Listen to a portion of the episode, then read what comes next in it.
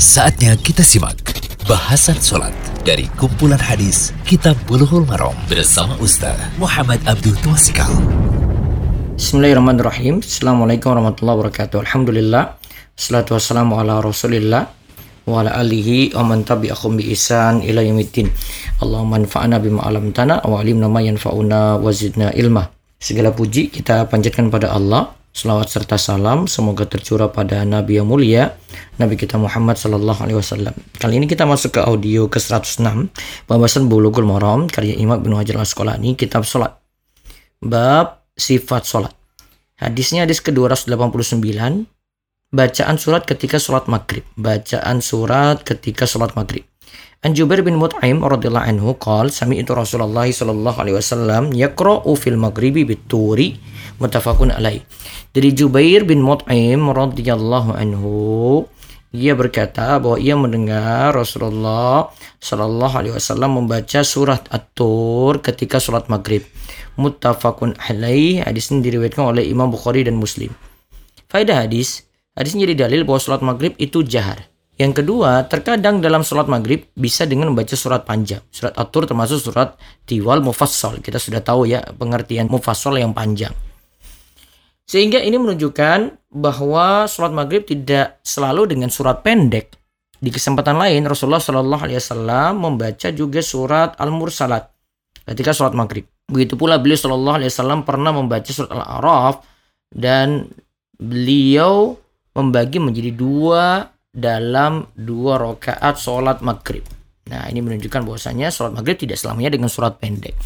Terus Jubair bin Mut'im, ini ada pelajaran lainnya lagi yang ketiga. Jubair bin Mut'im masuk Islam lantaran mendengar surat At-Tur. Ia berarti mendengar surat tersebut ketika masih dalam keadaan kafir. Ya, ia mendengar surat tersebut ketika masih dalam keadaan kafir. Lalu beliau menyampaikannya ketika sudah masuk Islam. Hal ini menunjukkan bahwa seorang perawi boleh menyampaikan hadis saat ia telah masuk Islam atau saat telah memenuhi adalah ya.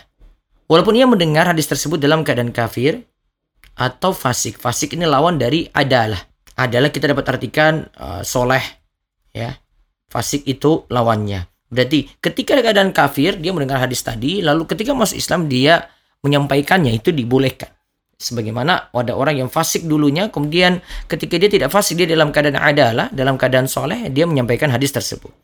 Nah, cerita tentang Jubair bin Mut'im, cerita tentang Jubair bin Mut'im adalah dalam hadis Imam Bukhari itu menyebutkan, kata Jubair bin Mut'im, aku mendengar Rasulullah SAW membaca surat At-Tur pada surat Maghrib ketika sampai pada ayat dalam surat At-Tur ya. Am khaliqu min ghairi syai'in amul khaliqun. Am humul khaliqun am khalaqus samawati wal ard bal la yuqinun am indahum khazainu rabbika am humul musaytirun am lahum sallamu yastami'una fihi faliyati mustami'uhum bisultanim mubin.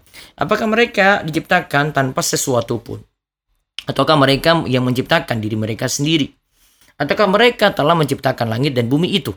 Sebenarnya mereka tidak meyakini apa yang mereka katakan. Ataukah di sisi mereka ada perbendaharaan Robmu? Atau merekakah yang berkuasa? Ataukah mereka mempunyai tangga ke langit untuk mendengarkan pada tangga itu hal yang gaib? maka hendaklah orang yang mendengarkan di antara mereka mendatangkan suatu keterangan yang nyata. Jubair kemudian mengatakan saat itu, kada kolbi, kada kolbi ayatira. Hampir-hampir saja hatiku itu terbang. Ketika itu Jubair masih dalam keadaan musyrik. Selain itu, peristiwa inilah yang mengantarkannya untuk masuk Islam. Yang disebutkan dalam fikih asirah. Allah a'lam bisawab. Semoga jadi ilmu yang manfaat. Demikian Bahasan Sholat dari kumpulan hadis Kitab Buluhul Marom bersama Ustaz Muhammad Abdul Tuasikal.